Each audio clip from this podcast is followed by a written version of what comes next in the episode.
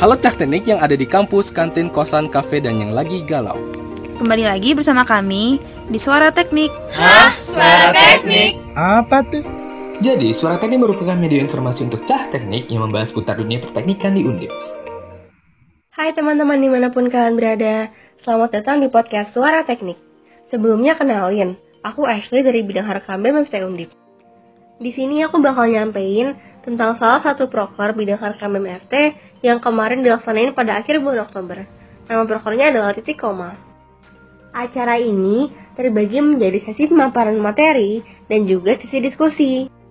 Karena alasan privasi, maka yang akan teman-teman dengar pada podcast kali ini hanya berupa penjelasan pada sesi pemaparan oleh Mas Nova Muhammad Irfan selaku pembicara pada acara ini. Nah, tak perlu berlama-lama lagi, Selamat mendengarkan. Ya, bismillahirrahmanirrahim. Assalamualaikum warahmatullahi wabarakatuh. Selamat malam, salam sejahtera untuk kita semua. Terima kasih buat kesempatannya dari teman-teman BMFT Undip 2020 udah mau undang, udah mau ngajakin diskusi malam hari ini. Uh, makasih juga buat teman-teman Ketua Ormawa ya 2020 di FT Undip udah ngeluangin waktunya juga buat ikut. Jadi ini ya, aku kan bikin judulnya COVID-19 mati sekarang, mati perlahan atau berubah. Ini kata-kata yang aku ambil dari Mas Alfa, ketua HMTG Magma Dipa 2019. Kebetulan juga sering ngobrol sama dia, jadi uh, ya kata-kata ini menurutku lumayan apa ya, ya lumayan keren lah. Jadi aku jadiin judul aja pada malam hari ini. Nanti aku coba uh, bahas tentang kondisi existing terkait organisasi maupun perusahaan, kemudian gimana cara perusahaan-perusahaan bangkit dan organisasi bangkit, kemudian bahas juga tentang bonding, layanan, dan sustainability organization atau organisasi yang keberlanjutan terkait uh, di 2021 nanti kayak gimana. Nah, aku mau tanya aja sih mungkin dari BMFT sendiri itu mungkin Andika boleh cerita apa di awal COVID itu datang, dampaknya ke BMFT Undip itu kayak gimana? Terus apa aja yang jadi kendala di BMFT? Mungkin Andika boleh cerita? Kalau di BMFT, so far kemarin di awal pandemi kan memang uh, cukup kaget karena kan uh, suratnya keluar tiba-tiba ya.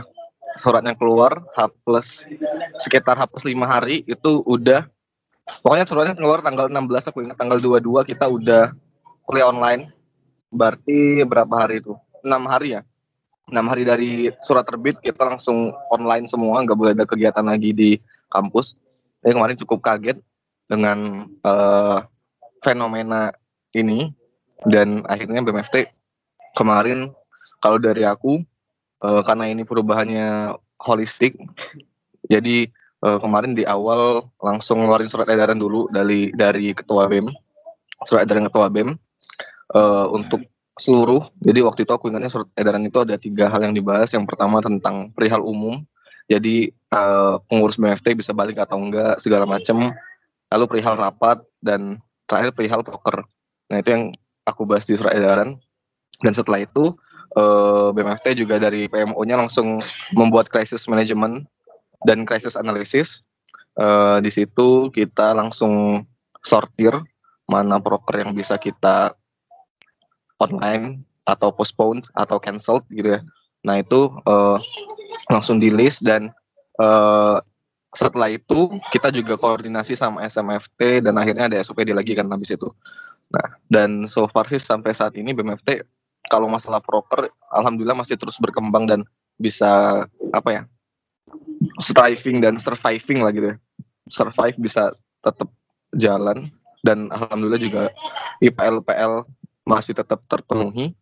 Cuma yang uh, terasa banget itu kalau di Ormawa ya, baik di internal maupun di eksternal itu di sisi uh, hubungan personal dan juga mungkin uh, komunikasi komunikasi gitu ya, baik dari internal Ormawa ataupun mungkin antar ormawa karena kan terhalang pandemi. Jadi yang benar-benar kerasa susah itu di bagian situ dan juga mungkin proker-proker yang berhubungan komunikasi itu agak susah dijalankan. Jadi itu sih yang terkendala sampai sekarang dan BMFT juga sebenarnya benar-benar kerasa dibanding tahun 2019 2018 karena aku tiga tahun di BMFT kan ya.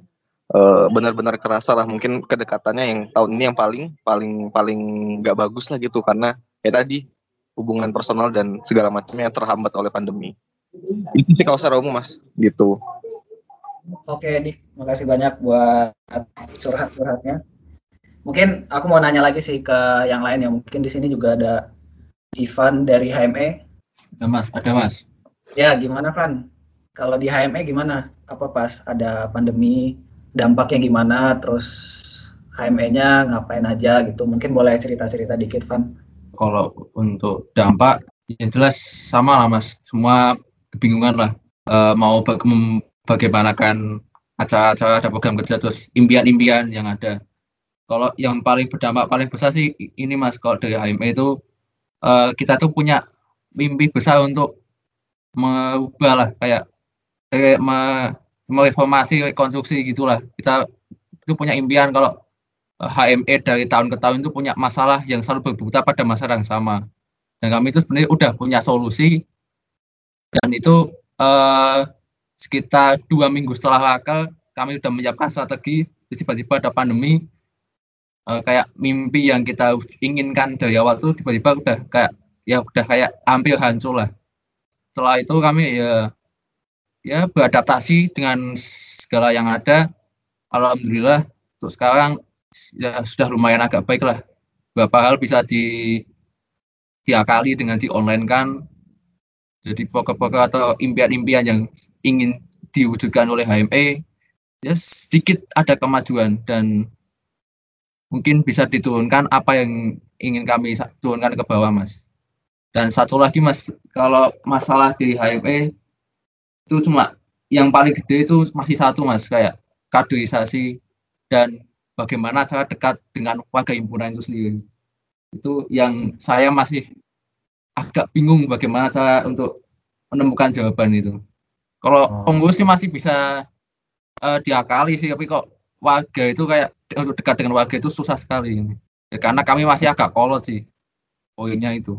Oke, makasih banyak Ivan sama Andika. Gitu. Jadi ya emang nggak cuman apa ya nggak cuman organisasi yang istilahnya kayak mahasiswa doang gitu tapi beberapa organisasi bahkan perusahaan besar juga banyak banget yang kena dampaknya gitu jadi kalau dari aku pribadi sih nangkepnya itu apa ya e, kalau ada yang nganggapnya oh kayaknya tahun ini gagal banget menurutku enggak sih karena pengetahuan kita terbatas gitu loh. Maksudnya kita masih mahasiswa tapi kita masih bisa maksudnya organisasinya enggak nggak apa ya nggak nggak defisit nggak nggak hancur nggak bubar itu udah suatu hal yang bagus gitu. Kalau melihat di tingkat perusahaan pun yang istilahnya mereka orang-orang profesional terlatih lebih kompeten dari kita juga bahkan banyak yang nggak mampu beradaptasi dan akhirnya hancur gitu. Kalau melihat kondisi hari ini ya ya mungkin teman-teman udah tahu juga ya uh, rupiah masih tinggi di 14.700 bahkan kemarin sempat 15 ribuan hampir 16 ribu. Terus 46 perusahaan raksasa bangkrut gara-gara covid kemudian angka kemiskinan masih tinggi terus juga lulusnya susah terus nyari nyari kerjanya susah ya jadi emang kondisi sekarang ini lagi lagi banyak banyak krisisnya jadi aku coba nyari di beberapa data survei dan aku nemuin uh, salah satu lembaga survei di luar negeri. Dia mensurvei di beberapa perusahaan di luar negeri ya. Dan dari hasil surveinya sendiri, ratusan perusahaan sih yang disurvei. Hasil surveinya bilang produktivitas pekerja itu menurun sebanyak 17%. Jadi kalau teman-teman ngerasa kok kayaknya progres kita lambat, prokernya banyak yang mundur, terus berjalannya kurang maksimal, staff banyak yang hilang. Dibanding pekerja yang udah profesional bahkan digaji pun, mereka juga produktivitasnya menurun gitu. Terus juga omset perusahaan menurun, sejalan juga dengan teman-teman, omset organisasinya pasti turun juga, pemasukannya turun, mungkin cuman dari bisa penjualan atribut, penjualan baju, atau uang universitas mungkin itu juga bisa jadi atau bahkan uang kahimnya, uang kabimnya itu juga bisa sangat terjadi ya. Jadi emang lagi trennya omset perusahaan menurun. Terus yang ketiga ini yang mungkin teman-teman rasain lebih dari 50% depre uh, pekerja itu ngerasain depresi, mudah tersinggung, kemudian juga insomnia. Yang yang ini juga berkaitan dengan kenapa produktivitas pekerja menurun. Jadi ya mungkin sejalan sama kita. Jadi teman-teman nggak terlalu inilah nggak. Ya aku harapannya sebenarnya sih nggak boleh mewajarkan ya, tapi dengan mengetahui ini mungkin teman-teman bisa lebih realistis dan jangan terlalu menyalahkan diri teman-teman gitu. Karena kalau dibandingin dengan perusahaan yang udah profesional sekali mereka juga mengalami hal ini. Nah jadi Kathleen Mullen dari uh, salah satu biswoman ya dia nge-survey lebih dari 2100 pekerja. Jadi beda dari yang tadi dia ini 2100 pekerja lebih dari 60 hasil survei uh, mengatakan pekerja dan anggota organisasinya nggak paham dan nggak tahu terkait budaya organisasi offline tuh kayak ya visi pun sul sulit buat dipahami mereka gitu. Apalagi online kayak gini jadi, uh, mungkin sejalan juga gitu peningkatan ketidaktahuan. Jadi staff-staff kalian di organisasi mungkin sejalan juga dengan hal ini.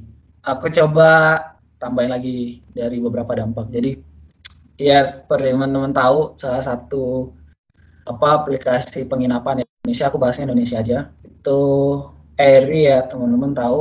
Di Mei lalu itu bangkrut ya. Jadi aku yang ngecek di aplikasinya tiba-tiba ada notifikasi kalau mulai lebih dari Mei tanggal berapa gitu Airy-nya tutup dan nggak bisa digunakan lagi. Dan si CEO-nya bilang kalau mereka udah ngelakuin segala macam hal cara untuk nutupin kekurangan hutang dari mereka tapi bisa ngelakuin hal itu. Hutang itu terjadi karena orang yang dilayanin sama si Airi ini ya orang-orang yang mau nginep lah. Itu kan yang pertama nggak mau liburan. Jadi perilakunya kan berubah. Biasanya orang suka uh, sekarang ini orang ya di Mei lalu lah Mei Juni lalu sampai Juli itu orang-orang jarang yang mau liburan gitu. Jadi nggak ada yang pakai aplikasi mereka. Terus juga orang-orang tahu nih karena Eri itu kan murah ya. Orang-orang pasti takut kalau eh, nggak uh, ada sterilisasi dari Eri-nya dan sebagainya gitu.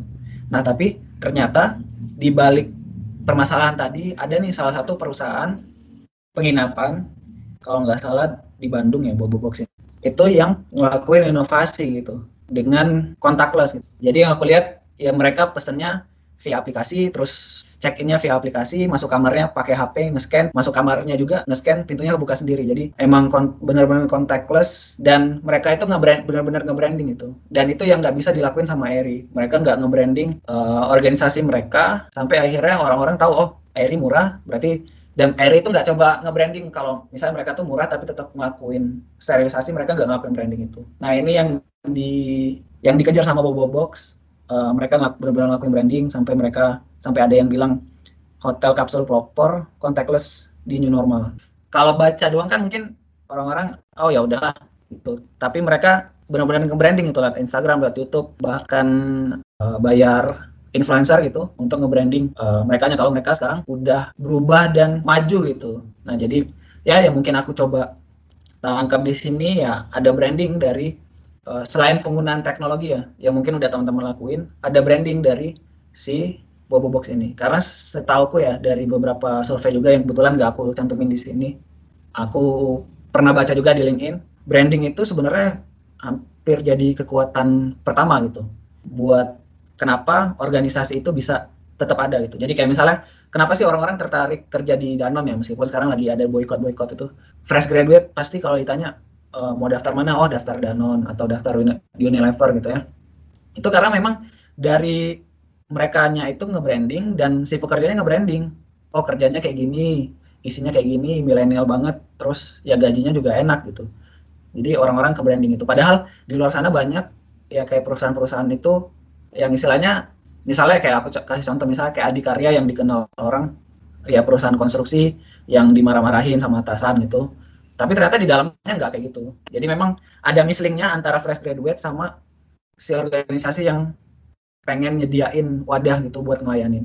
Peminatnya jadi beda. Terus juga salah satu contoh lagi ada 27 perusahaan retail dan restoran yang bangkrut gara-gara pandemi. Jadi ya mungkin karena orang-orang tahu bakal ketemu orang kalau belanja terus mungkin yang belanja sedikit terus banyak yang expired akhirnya ya karena ini ya apa megang troli juga mungkin jadi orang-orang ngerasa dan nggak lagi nggak ada branding yang dilakukan sama si perusahaan retail atau grocery store ini akibatnya ya orang-orang pemikirannya sama oh banyak orang yang megang nggak higienis ada covid di sana maksudnya ada penyakit di sana ada kesempatan covid buat ngampirin si pembeli tadi. Nah aku juga dapat data dari McKinsey Company salah satu perusahaan besar ya. McKinsey ini juga sering lakuin survei. Di antaranya ini ngelihat uh, perkembangan industri perusahaan-perusahaan di Eropa. Jadi di sini ada Belgia, Denmark, Finlandia, Prancis dan sebagainya. Di mana perusahaan ini mengembangkan industrinya dari uh, manual industri ke auto industri gitu. Jadi istilahnya apa-apa dilakukan secara online misalnya kayak service service apa gitu yang bisa dilakukan secara jadi company-nya ini nyediain jasa service secara offline mereka berganti secara online gitu dan ternyata perusahaan apa dari data pun menyatakan memang hal-hal ini hal-hal yang apa ya segala sesuatunya diubah ke online gitu baik apa uh, penyedia jasa kayak gitu dan sebagainya itu lebih di approach sama pasar gitu. Terus harus apa gitu? Pertanyaan kan sekarang harus apa dengan kondisi yang sekarang? Nah sebenarnya sulit sih dijawab gitu karena jujur kalau misalnya aku pun apa ya di 2019 selalu hmm. itu ada pandemi jujur aku juga nggak tahu harus ngelakuin apa gitu. Dan juga aku ya kagum lah sama teman-teman Ormawa sekarang udah benar-benar berkembang dari tahun lalu di mana tahun lalu itu masih banyak yang belum nerapin teknologi sekarang udah banyak banget apa-apa online apa-apa online pelayanannya secara online ketika teman-teman nggak bisa ngelakuin layanan teman-teman nggak ngilangin layanan itu tapi teman-teman tetap ngelakuin secara online itu aku mau tanya deh sama Noah ada nggak Noah? Uh, mungkin boleh cerita dulu gimana awalnya di HMTG Magma Dipa itu pas ada apa info COVID-19 terus ada pembatasan kegiatan di kampus di HMTG Magma Dipa itu dampaknya gimana gitu? Kalau buat dampak ke himpunannya berarti mas ya? Kalau buat dampak iya. himpunannya yeah. sih uh, ya pertama kan berarti kan semua kegiatan himpunan kan pertama kali itu harusnya di awal tahun ada kegiatan besar ya. Kebetulan kan kegiatannya Gemma. Itu kan yeah. ya bahkan yang sudah seminggu lagi itu kan dibukukan semua kayak gitu dampaknya. Dari sistem pembelajarannya pun pembelajaran pun diubah semua kayak gitu. Diubah iya. semua dari kegiatan himpunan pun dari kegiatan himpunan pun uh, banyak yang ya dialih fungsikan semua ke online kayak gitu. Tapi emang di awal kepengurusan tuh sekitar beberapa minggu pertama emang sempat bingung juga gitu kan sama wakilku juga kayak gitu. Cuman ya akhirnya ya kita coba brainstorming bareng kayak gitu sebenarnya alangkah apa sih mesti diambil kayak gitu ya akhirnya kita coba analisis ya analisis dari kondisi yang kita punya SWOT dalam kondisi online seperti ini sebenarnya apa aja sih yang bisa diutilisasi kayak gitu supaya lebih maksimal. Akhirnya ya aku sama wakilku juga yang akhirnya coba ngebuat beberapa dokumen ya. Pertama buat ngasih acuan dulu ke pengurus-pengurusku terkait sebenarnya apa sih sekiranya mereka bisa lakuin sebagai alternatif ya, alternatif dulu kayak gitu. Aku belum banyak ngaren ke inovasi dulu karena aku yakin mungkin mereka sedikit shock juga sama perubahannya. Tapi seenggaknya ini bisa mantik juga inovasi mereka juga kayak gitu. Untuk kondisi kemarin uh, bisa dibilang satu pengurus itu lumayan shock kayak gitu terhadap kondisi yang seperti ini karena jujur aja harusnya di awal kepengurusan tuh rentetan kegiatan dari internal himpunan pun banyak seperti itu tapi banyak di yang dikat ya karena kondisi online. Uh, aku coba kasih beberapa alternatif dulu sama, sama Adit itu. Coba susun bareng-bareng berdua buat teman-teman pengurus supaya mereka juga nggak hilang arah. Ya di awal kondisinya seperti itu. Masih tetap terseret dulu ya mas ya? Itu kan wajar gitu. Terseret dulu kita tracking dulu bareng-bareng. Uh, ya sampai akhirnya ya, untungnya ya puji sih uh, bisa survive bareng-bareng juga. Bahkan di dalam kondisi seperti ini banyak juga gitu yang bahkan uh, inovasi-inovasi ya bukan alternatif lagi kayak gitu yang masuk ke aku sama Adit itu sebagai uh, pertanyaan mas ini kira-kira bisa gak seperti ini? dan semacamnya. Dan ya untung aja gitu ya mas justru dalam kondisi seperti ini aku ngeliat malah banyak sisi baiknya sih kayak gitu. Maksudnya kita bisa ngeliat berbagai kita bisa bereksperimen ya justru terhadap semua hal-hal yang belum pernah kita eksplorasi gitu. Aku justru ngeliatnya seperti itu sih. Kalau di awal kita emang struggling struggling banget. Uh, selama beberapa minggu pertama sampai satu bulan pertama kita lumayan struggling buat mencari alternatif dan semacamnya. Tapi semakin ke sini aku ngeliat malah Iya, daya pikir sama seni berpikir seluruh pengurus udah mulai berkembang menjadi lebih inovatif gitu. Kalau di HMTG Magmadipa sih seperti itu sih, Mas. Oke, Noah, makasih banyak buat diskusi-diskusinya. Uh, mungkin sebelum aku nanya Ocha ya, mungkin aku ke ini dulu deh ke ini ada Hafiz ya. lagi standby nggak Hafiz? Itu juga ya kalau Mas. Oke. Okay. Ya, ini kan kamu kan baru ngejalanin Mas Pal ya. Mungkin gimana nih ya, ya, apa uh, persiapannya terkait apa tadi ini kan masih dampak Covid, terus ngelanjutin mungkin dari uh, Aban kemarin itu gimana? Apa masih kena dampaknya atau gimana yang kamu lakuin? Oke. Okay. Ya, masuk ya Mas. Uh, jadi kalau dari Himaspal sendiri uh, sebenarnya rata-rata uh, sama sih. Kalau mungkin cerita dari awal dulu, uh, pas kepengurusannya Mas Aban juga agak-agak uh, ini apa namanya kayak bingung lah istilahnya gitu, bingung untuk uh, melanjutkan setelah uh, adanya pandemi COVID ini gitu. Nah tapi uh, sejak apa seiring berjalannya waktu, uh, benar tadi yang apa di situ uh, daya pikir yang mungkin bisa lebih jauh lebih ke depan ya gitu. Contohnya Hakon Contoh itu waktu kemarin pas di kementerian sama itu mengadakan uh, program pemetaan passion yang di mana uh, program tersebut itu nggak ada di uh, rapat kerja bisa dibilang nggak ada di rapat kerja, tetapi karena uh, 2019 ini uh, apa ya istilahnya mempersiapkan lah untuk bisa join juga di Himaspal. Jadi uh, dari PSDM-nya mengakali dengan uh, mengadakan program uh, tersebut, di pemetaan passion tersebut. Nah, di situ jatuhnya kayak hampir sama kayak ini lagi sih kayak dasar lagi, cuman lebih uh, memperkenalkan seluk beluk dari masing-masing uh, bidang di Himaspal tersebut. Nah, terus uh, untuk uh, apa ya kepengurusan baru ini sebenarnya agak-agak nggak sama sih mas gitu, uh, karena yang pertama perihal komunikasi sih, jadi jabatannya lebih ke komunikasi yang di mana uh, bisa dibilang bahwa angkatan uh, 2019 dan juga angkatan 2018 ini secara ininya belum dapat lah ya. Bisa dibilang belum dapat sepenuhnya secara chemistry-nya gitu. Karena bisa dibilang belum terlalu dekat juga gitu karena masa pengkaderan yang sempat uh, terpotong oleh pandemi tersebut. Nah tapi di satu sisi lain uh, dari angkatan 19 dan 18 yang mungkin kemarin juga di yang ada di Semarang itu mencoba membuat momen juga sih membuat momen di mana biar uh, dalam perjalanan nanti ke apa himpunan ke depannya itu bisa berjalan dengan selarasnya gitu.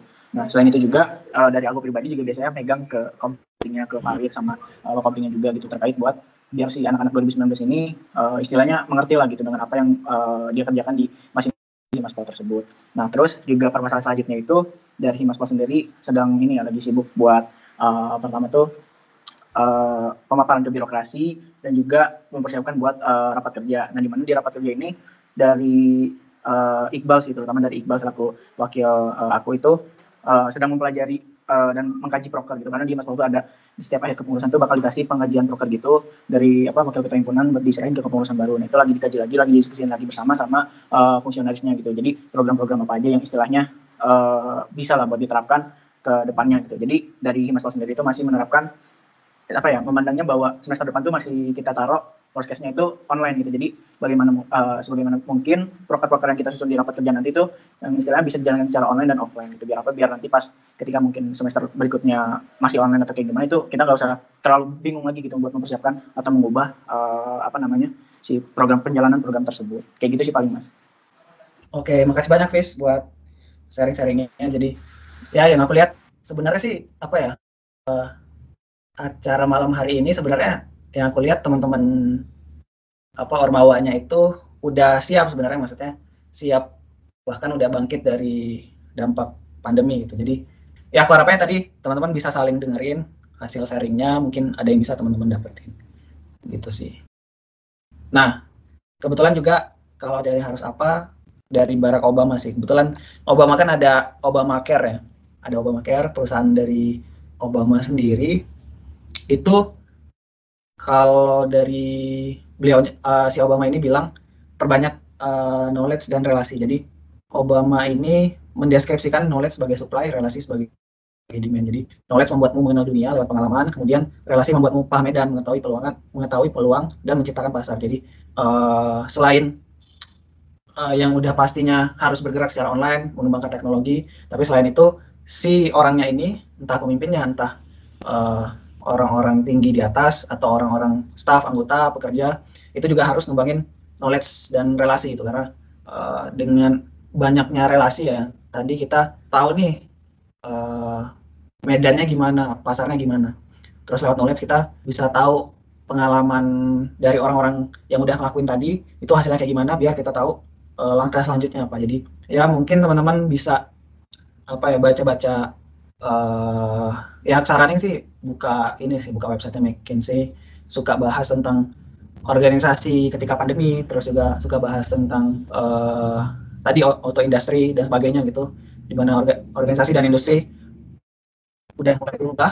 Bahkan uh, setelah covid ini si industri sama organisasi tadi bakal menetap selamanya jadi auto industri karena si pasarnya udah nyaman dengan hal itu atau mungkin membagi dalam dua hal uh, secara offline dan online itu. Jadi ya perbanyak bacaan, tapi aku yakin sih teman-teman bacanya udah banyak banget. Nah, terus mungkin bahasan selanjutnya yang jujur aku ini ya dari ketiga hal ini aku paling bingung sih dari bonding sih. Maksudnya aku sempat nanya juga sama siapa waktu itu ya sama nggak tahu deh pokoknya anak undip aku nanya eh bonding di organisasimu kayak gimana gitu soalnya aku aku sendiri ya uh, jujur kalau jadi ketua organisasi itu offline pun sebenarnya agak canggung gitu karena yang pertama anak-anakku banyak, stafku banyak, ada 190-an. Teman-teman juga kan seratusan atau 90-an atau 80-an.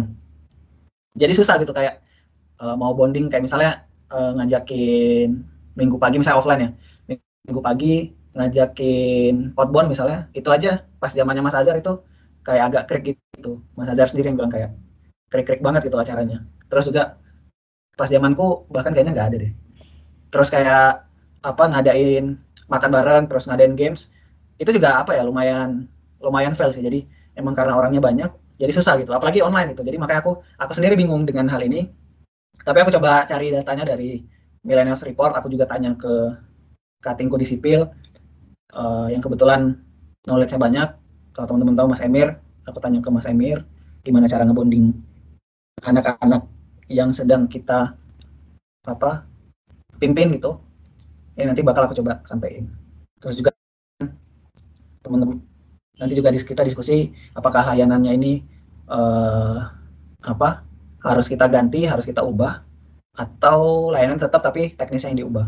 Terus juga kayak sustainability atau keberlanjutan dari organisasinya itu kayak gimana. Gitu. Nah pertama bonding ya. Mungkin tadi ada Ocha HMM ya lagi standby nggak? Kalau aku mau nanya sih kalau di HMM sendiri pin bonding antar pengurusnya itu kayak gimana? Boleh cerita nggak? Oke mas, Bismillahirrahmanirrahim. Selamat malam. Ya perkenalkan ya saya Ramanuza dari HMM ya. Mas. Paling mau jelasin mas kondisi di mesin dari awal pandemi ini seperti apa? Ya, dari dari pengurus sama dari sama di dalam HMM-nya lah gitu. Paling kalau misalkan dari saya mas ya, itu waktu itu yang saya jadiin fokus tuh pertama tuh pengurus mas yang pasti karena istilahnya kayak udah tanggung jawab saya mas bahwa mereka semua buat berkembang ya di HMM 2020 nah yang kedua tuh ini mas uh, warga HMM sendiri kayak gitu. Makanya paling yang waktu itu pertama kali saya lakuin mas ya itu langsung sounding sih mas dari ke alumni alumni sama ke ketua himpunan ketua himpunan terdahulu. Karena yang kita tahu kan ini bukan masalah bukan masalah di mesin doang tapi di semua organisasi yang ada di Undip bahkan di di Indonesia rata-rata kayak gitu lah. Jadi saya minta saya minta saran-sarannya lah kayak gitu kalau misalkan saya sendiri sih dari diskusi sama Noah juga kebetulan tadi juga langkah-langkahnya sama Mas untuk di awal-awal itu kayak di minggu pertama kuliah online ya satu minggu satu dua minggu pertama tuh kayak masih bingung harus nentuin arah mana dari hasil dari poker-poker yang udah kita rencanakan bahkan kayak ada proker gede juga mechanical project itu harus kita bawa ke mana gitu. Cuman sejauh keberjalanan uh, kuliah secara online ini udah udah lebih terbiasa sih mas dari iklim organisasi secara online ini gitu sih mas paling kalau waktu itu sih yang saya dapetin dari mas-mas ya khususnya dari alum dan segala macam nggak begitu banyak tuntutan sih. Karena yang pasti saya harus jelas aja bahwa arah HMM ini ke mana. Karena tadi setuju banget saya dari statement pertama Mas Irfan tuh. COVID ini kalau misalkan kita nggak mati mati perlahan atau berubah gitu nggak sih Mas? Nah itu saya setuju banget sih Mas. Makanya di tengah-tengah pengurusan juga saya sempat diskusi banyak sama Mas Popon tuh kayak ditanya kembali sih. Sebenarnya tuh dengan kondisi kayak gini tuh lu tetap bawa gak sih? Eh tetap bawa tujuan yang sama gak sih? Di awal kepengurusan lu apa lu udah ganti tujuan nih? Setelah ada kondisi kayak gini kayak gitu. Dan pertanyaan itu emang cukup dalam banget sih dan waktu itu emang butuh waktu juga buat menjawabnya dan alhamdulillah sekarang istilahnya udah cukup stabil lah mas untuk keberjalanan organisasi di HMM gitu sih mas kira-kira mas kalau dari di mesin mas. Kalau bondingnya gimana? Antar anggota kayak ngedeketinnya oh, itu kayak gimana oh. ngurusnya? Nah mungkin kalau misalkan dari kalau di kalau di saya sendiri kan pas, pasti tiap bulan tuh kalau di divisinya di tingkat divisi itu ada radif habis itu di tingkat bidangnya ada ada apa namanya ada rabit ya ada rabit. Nah paling kalau di saya tuh ini sih mas uh, lebih manfaatin ini sih kegiatan kegiatan-kegiatan yang misalkan kayak studi banding ke HM mana HM mana gitu sih mas. Jadi setelah setelah adanya kegiatan bersama itu kita nggak langsung udahan gitu mas. Misalkan kita sama HM ITB atau sama HM IMM dari UI nah itu setelah kegiatan itu kita biasanya brainstorming dulu apa yang udah kita dapetin bareng pengurus-pengurus. Dan itu lebih kayak di bawah santai aja sih mas. Karena emang susah sih mas. Jujur kalau misalkan sengaja sengaja nyari momen untuk kumpul satu pengurus gitu, itu emang susah. Maksudnya saya juga saya juga realistis gitu. Semua orang tuh punya kegiatan habis itu kayak ya pengurus saya juga 89 orang tuh susah juga lah mas kalau misalkan mau lengkap gitu. Momen-momennya itu ketika studi banding ketika apa kita nggak langsung udahan. Kayak kemarin sama sipil undip ya terakhir tuh. Kita sharing sama tukar wawasan gitu. Gitu sih mas kalau dari aku. Paling kalau sengaja-sengaja untuk ngumpulin satu pengurus tuh paling nanti sih mas sebelum dalam waktu rencana dekat ini sih buat ngebahas tentang akhir kepengurusan NANUM 2020 sih mas. Gitu sih mas kalau buat bonding oke okay, lebih ke tempatin momen-momen yang udah ada aja gitu mas. Oke okay, oke mas. Si sharing-sharingnya. Ini ini kok hilang deh. Mungkin ada yang lain ini ada Ridwan lagi standby nggak? Atau lagi ngerjain laporan KP halo mas. Halo halo. Suaraku kedengaran ya. masuk masuk. Kalau di HMS gimana man? Mungkin tadi dampaknya mulai cerita dampaknya terus gimana bonding antar pengurusnya? Oke, mungkin sama ya Mas ya. Kalau uh, perihal kondisi ya di awal nggak jauh beda dari teman-teman, pasti kaget. Dan juga perencanaan di awal itu kan hampir seluruhnya teknis ya. Terus tiba-tiba harus dirubah online, jelas perlu adaptasi yang cukup banyak. Yang paling keras sih, yang paling kerasa sih komunikasi ya. Komunikasi yang biasanya ketemu langsung, ngobrol langsung enak. Sekarang apa-apa harus lewat HP ataupun lewat laptop untuk komunikasi jadi sedikit terbatas dan perlu adaptasi cuman yang aku tangkap banyak hal positif sebenarnya cuman nggak terlihat hal positif yang aku tangkap itu di HMS sendiri itu semakin terlihat hal-hal yang sebenarnya itu nggak baik tapi masih terlalu dirasa nyaman sama teman-teman. Dan sekarang itu kelihatan semua. Oh ternyata ini udah nggak uh, udah nggak relevan. Ternyata hal ini itu bisa dikurangi hal ini bisa dirubah. Itu semakin terlihat. Sa Uh, salah satu contoh kasusnya itu masalah kaderisasi ya. Mungkin ini jadi topik juga di lingkungan FT masalah kaderisasi. Karena termasuk bonding juga ya Mas ya. Bonding angkatan dan sebagainya. Jadi kalau di HM sendiri itu kerasa banget yang awalnya kaderisasi itu cuman berfokus sama angkatan, berfokus sama kekeluargaan, sekarang mulai dirubah kalau kaderisasi itu ya benar-benar membentuk kader, kader sipil, kader mahasiswa di mana ya selama kuliah kita harus menciptakan mereka-mereka ini siap kuliah, siap diterjunkan nanti setelah lulus ke arah profesional, ke arah dunia kerja dan dikasih gambaran mengenai sipil yang sebenarnya seperti apa. Itu benar-benar berubah banget, merubah konsep kader, merubah mindset orang-orang tentang kader itu sesuatu hal yang besar dan menurut itu hal yang paling positif yang dialami selama masa pandemi. Terus kalau untuk bondingnya sendiri di kepengurusan, ya benar sih mas kayak tadi mas Abel juga uh, kalau diceritain ya di BMFT ada 190 sekian, di AMS sudah banyak. Cukup sulit, cukup canggung, terlebih uh, waktunya kemarin kan sempat offline ya, walaupun sebentar doang. Terus tiba-tiba online jadi ya lumayan canggung, lumayan jadi nggak begitu mengenal banyak tentang staff-staffnya terutama. Cuman ya disiasatinya kita lewat ini sih mas, lewat bidang-bidang. Jadi emang bidang-bidangnya aku saranin banget untuk tetap dijaga uh, ikut meet meet meet kayak gini lah nggak harus bahas tentang proker karena proker pun juga bobotnya semakin berkurang mereka juga nggak bahas teknis terlalu banyak. Jadi aku kasih kesempatan mereka untuk banyak-banyak ngobrol aja banyak-banyak bercanda aja. Jadi paling nggak mereka tetap merasakan kalau ya ini masih di himpunan masih ketemu sama kadif kabit masih bisa ngobrol dan ketemu sebagainya. Gitu sih mas kalau kondisi di himpunan di HMS Oke siap, makasih banyak Wan. Aku juga sekalian ngutip deh perkataan dari Sumang juga kalau dari Sumang itu bilang kalau online itu nggak ada apanya ya. Kan kita ngebawa organisasi itu sama betul kata, kata Ridwan kita tuh sekali sekaligus juga mengkader gitu maksudnya mengkader uh, pengurusnya biar nanti ketika dia udah mas, masuk di masa waktunya itu udah siap buat ngejalanin organisasinya. Tapi memang sulit gitu karena nggak ada sentuhan secara langsung yang dilakuin sama tiap-tiap pengurus gitu. Karena be rasanya beda banget gitu kalau ngobrol secara langsung gitu. Nah kalau yang aku dapetin ya dari Millennials Report juga, yang kebetulan juga aku tahu dari alumni sipil juga, itu ada beberapa opsi sih sebenarnya yang coba aku uh, ya kasih tahu aja maksudnya ini beberapa opsi yang suka dijadiin alat bonding orang-orang di perusahaan maupun di organisasi atau komunitas dan sebagainya gitu. Yang paling ngetren lah. Yang pertama itu ada stand up meeting gitu. Jadi stand up meeting ini uh, meeting tapi tadi yang dibilang Ridwan tapi nggak bahas broker gitu. Di dalam meeting tetap bahas broker sih. Diusahain setiap ada meeting itu mungkin gantian ya mungkin kan uh, per orang itu ditanyain kayak misalnya hari ini lagi ngapain aja? Maksudnya hal-hal kayak gitu. Hari ini ngapain aja? Terus hambatannya apa aja? Uh, apa yang dirasain selama ngerjain hal itu susahnya di mana terus nanti bahas sambil bahas uh, oh ke depannya harus ngapain gitu. Jadi digilir gitu. Misalnya per meeting tiga orang selanjutnya tiga orang itu kalau dibilang harus ngebonding satu organisasi penuh ya setauku yang aku tahu juga dari mas-mas yang udah kerja juga itu perusahaan masih belum nemuin sih. Maksudnya emang harus offline gitu ngelakuinnya. Atau mungkin pas silaturahmi lagi apa ya lagi lebaran itu masih memungkinkan sih. Maksudnya ngobrol-ngobrol uh, bareng. Atau tadi kayak habis ngelakuin kegiatan bersama yang ibaratkan uh, semua orang harus hadir itu bisa dijadiin salah satu alat bonding itu karena nyari momen tadi betul nyari momennya susah. Itu yang pertama stand up meeting terus yang kedua ngobrol bertema gitu.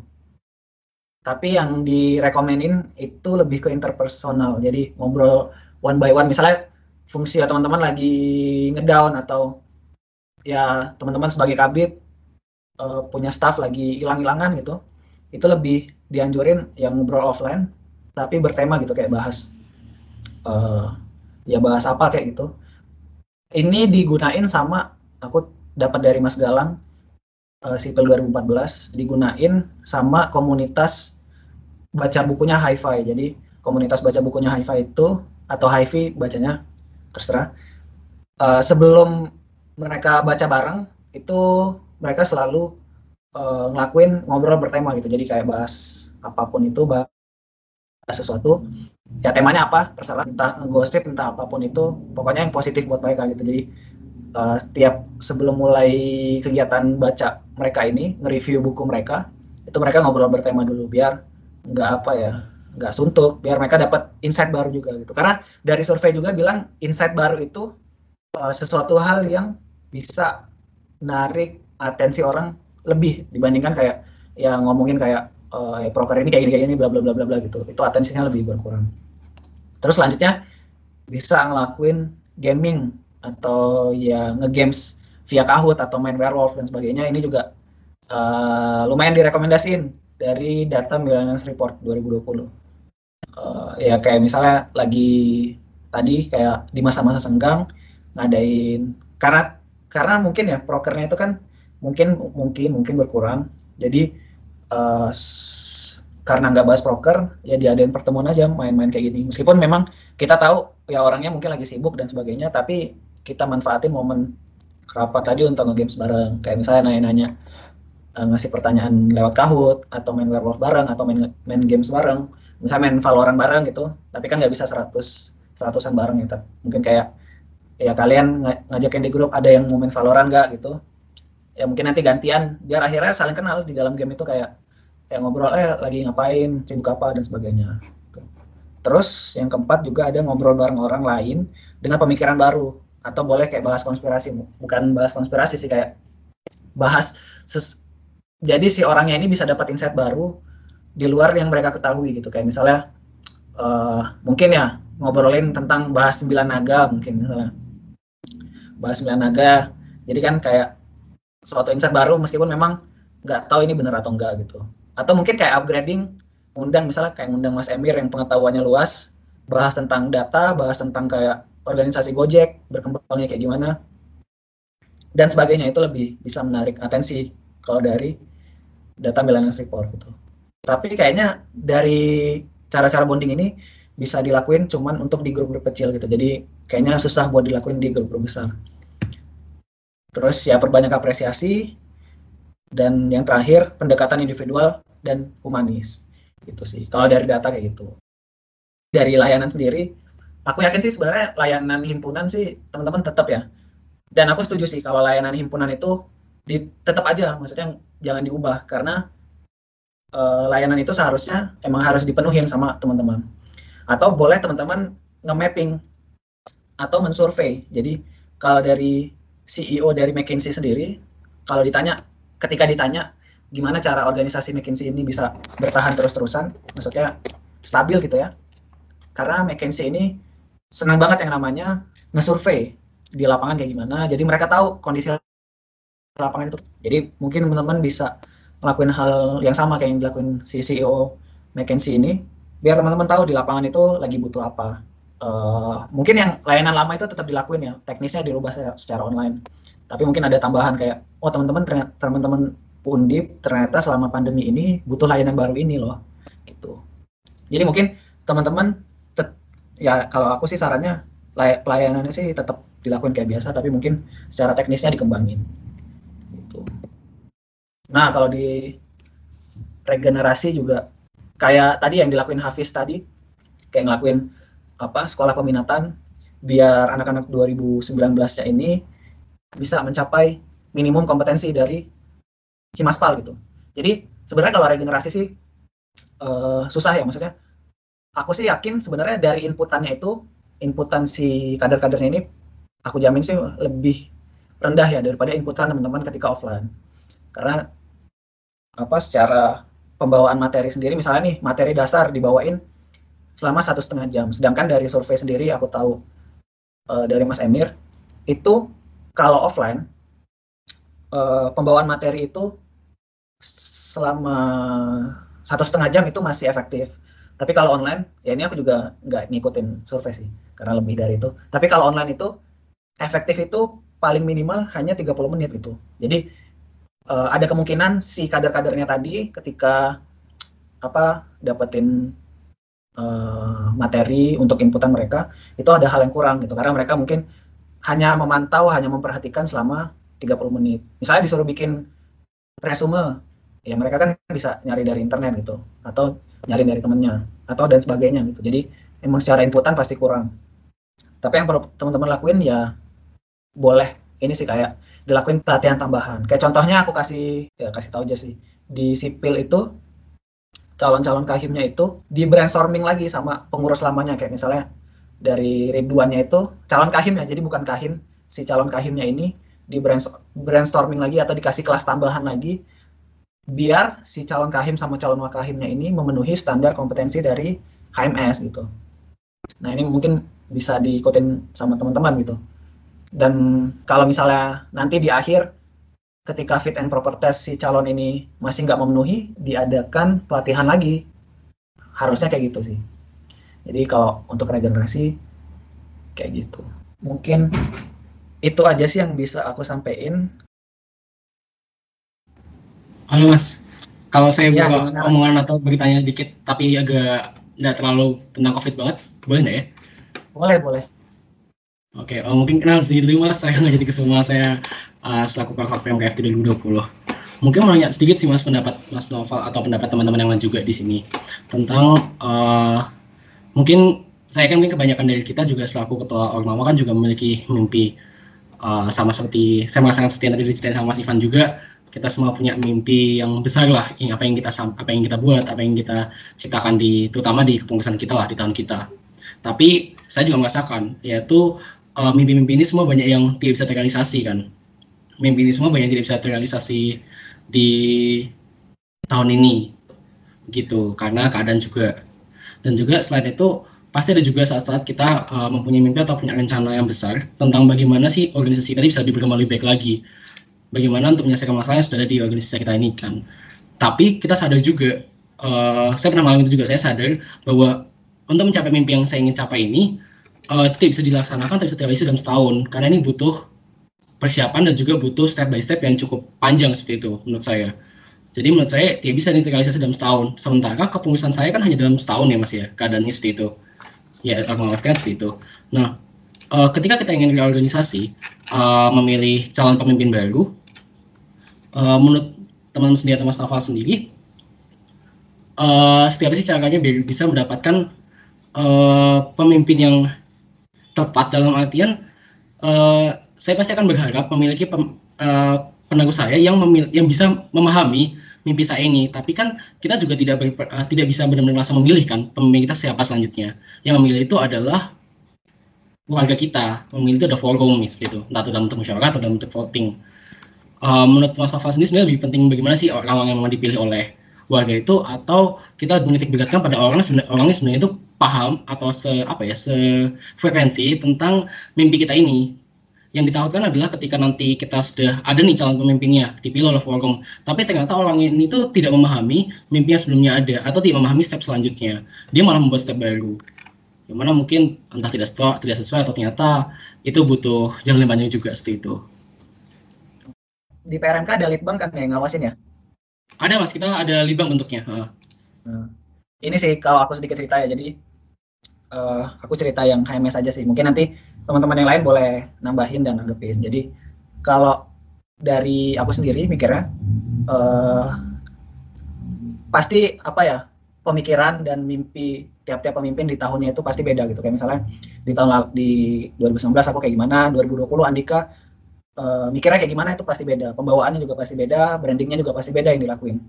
Tapi dari aku sama Andika itu pasti ada kesamaan dalam perencanaan kenapa bisa ada kesamaan karena aku sama Andika itu dalam merencanakan terbatas pada nilai-nilai layanan BMFT sama terbatas pada rencana strategis dari Fakultas Teknik gitu. Nah, karena renstra Fakultas Teknik ini terlalu luas, jadi aku coba kasih gambaran lagi yang lebih rinci. Kayak misalnya di HMS. Jadi di HMS itu punya rencana strategis berapa tahun ya? 4 tahun atau lima tahun. Mungkin nanti Ridwan boleh nambahin gimana cara bikin dan sebagainya dari pembawaan Ridwan atau di tahun lalunya Arga di 2019, Mas Dinar di 2018, itu mimpinya itu pasti beda gitu kayak dari visinya, misinya itu pasti beda. Tapi pasti ada pembawaan mereka yang sama kayak dari uh, misalnya si Arga ini ngejar buat ningkatin biro yang ada di sipil. Di tahun Arga nggak kecapein. Nah, Ridwan ini punya apa? Punya apa sih namanya? Punya punya utang lah istilahnya. Tapi Ridwan ini apa istilahnya itu bukan tugas Ridwan sebenarnya. Tapi Ridwan tetap punya utang. Kenapa tetap punya utang? Karena di HMS itu punya Renstra yang wajibin di tahun pertama itu misalnya ada satu biro. Di tahun kedua misalnya tahun pertama itu misalnya tahun pertama diterapin 2019, tahun kedua di 2020. Di tahun 2020 itu di Renstranya ter, tertera HMS harus eh sipil harus punya uh, tambahan dua biro misalnya. Ya otomatis apa mimpi-mimpi yang tadi pengen dicapai Arga itu ada yang jadi bebannya si Ridwan gitu karena si Arga nggak mencapai Ridwan harus melanjutkan. Nah, aku saranin mungkin dari PRMK bisa ngasih hal itu gitu karena eh bikin hal itu karena kalau kalau menurutku ya kalau milih orang sesuai sama yang kita pengenin itu menurutku belum tentu baik gitu. Maksudnya uh, ya takutnya tadi nggak mungkin juga kayak misalnya ketua PRMK ditentuin sama si Rangga itu kan uh, agak nggak mungkin ya karena yang dipimpin sama dia ke depannya bukan Rangga tapi orang-orang di PRMK lainnya gitu. Jadi kontestasinya tetap kayak biasa, pemilihannya kayak biasa. Cuman dalam perencanaannya si 2021 ini terbatas pada hal-hal uh, yang udah kamu bikin tadi di dalam Renstra mungkin. Tapi kalau misalnya terlalu berat, mungkin kayak bikin suatu layanan atau tujuan PRMK selama tiga tahun ke depan itu karena kalau lima tahun kan kayaknya kesannya susah dan sebagainya. Mungkin dicoba dulu kayak tiga tahun atau dua tahun yang dibikin bareng-bareng gitu. Kayak misalnya kamu nyampe nih oh aku ada pemikiran PRMK tahun tahun ini nih kayak gini tapi nggak kecapai. Ya udah kenapa nggak aku coba bilang ke grup ke komuni ke UPK aku di PRMK buat biar ini jadi tujuan berkepanjangan kalau di tahunku nggak selesai di tahun depannya bisa diselesaikan gitu. Jadi saranku bikin hal kayak gitu karena itu bakal mengikat buat kepengurusan mana pun jadi setelah tiga tahun, kalau nggak tercapai, dibikin lagi rasa tiga tahun ke depannya ngelesain yang belum tercapai dan ditambahin mimpi-mimpi bersama yang harus dicapai. Gitu. Mungkin teman-teman yang lain ada yang mau nambahin dari Ormawa lain boleh banget. atau dari Rangganya ada tanggapan? Mau nanya hal lain lagi? Sementara kalau dari Mas Novel bagus terima kasih sarannya. Mimpi kamu apa emangnya yang buat PRMK boleh disaring nggak atau nggak boleh? Uh, ada intinya pengen banyak membuat branding lebih keluar lagi sih. Maksudnya di mana kita bisa buat acara yang lebih besar, bisa membawa apa ya? Uh, kalau kami kan memang segmennya kan uh, Katolik ya. Jadi emang di situ saya pengen bisa mengembangkan lebih luas lagi. Uh, lebih dikenal juga sama teman-teman Katolik, entah itu dari FT ataupun dari teman-teman yang di luar itu juga sebenarnya. Oke. Okay. Kalau nggak salah HME pengen bikin juga ya, Van? HME kalau nggak salah pengen bikin Renstra juga ya? Ya mas, uh, HME yang coba sih mas kalau ya Renstra mas masih membentuk tim. Oh, masih Sa sama ini sih masih sampai ke pengumpulan masalah masuk sih mas, belum turun ke visi misi atau itunya belum sampai sana. Isi anggota timnya banyak nggak yang buat ngerumusin Renstra ini? Uh, banyak mas, untuk timnya itu banyak. Kan direktur ada beberapa bio, itu siap bio itu diikutkan untuk cara pembentukan Renstra mas. Jadi sekitar hmm. ada 10 sampai 13 orang termasuk Kahim Wakaim sama Litbang. Oke siap. Jadi ya nambahin lagi dulu elektro kalau nggak salah calon-calon di 2017 sama 18 nya ini diajakin satu kelas bareng buat di upgrade kompetensinya dan materinya itu difokusin buat kayak Renstra sama GDO dan sebagainya gitu. Jadi uh, ketika nanti si Mas Jafar, si Farhan kan udah lulus, mereka udah pergi, 2017-nya udah paham dan siap gitu. Jadi mungkin buat Rangga mungkin langkah-langkahnya menuhin kompetensi si PRMK-nya tadi dulu aja kayak misalnya gimana cara bikin Renstra, caranya bikin GDO dan sebagainya gitu biar nanti ketika kamu udah pergi, kamu tinggal ngasih oh masalahnya harus ada ini nih dan sebagainya mereka udah ngerti cara bikinnya. Kalau dari aku sih udah cukup itu sih. Itu aja sih yang bisa aku sampaikan ya. Teman-teman makasih banyak. Udah apa ya ikut kayak gini di sela-sela kesibukan teman-teman. Udah mau sharing ya aku senang sih maksudnya teman-teman bisa banget berkembang di masa-masa kayak gini teman-teman masih bisa bertahan di masa-masa kayak gini ya aku senang dengarnya gitu. Nggak kalah sama kayak perusahaan-perusahaan besar yang udah punya pekerja profesional. Itu aja mungkin yang bisa aku sampaikan. Sekali lagi maaf banget kalau cuma kayak gini doang. Nggak terlalu banyak yang bisa teman-teman pelajarin. Aku mohon maaf. Uh, aku tutup dengan salam. Bila taufik walhidayah assalamualaikum warahmatullahi wabarakatuh. Selamat malam salam sejahtera untuk kita semua jadi Begitulah pemaparan materi dari Mas Naufal. Semoga dengan adanya podcast ini bisa menambah wawasan teman-teman mengenai Ormawa di Fakultas Teknik ya.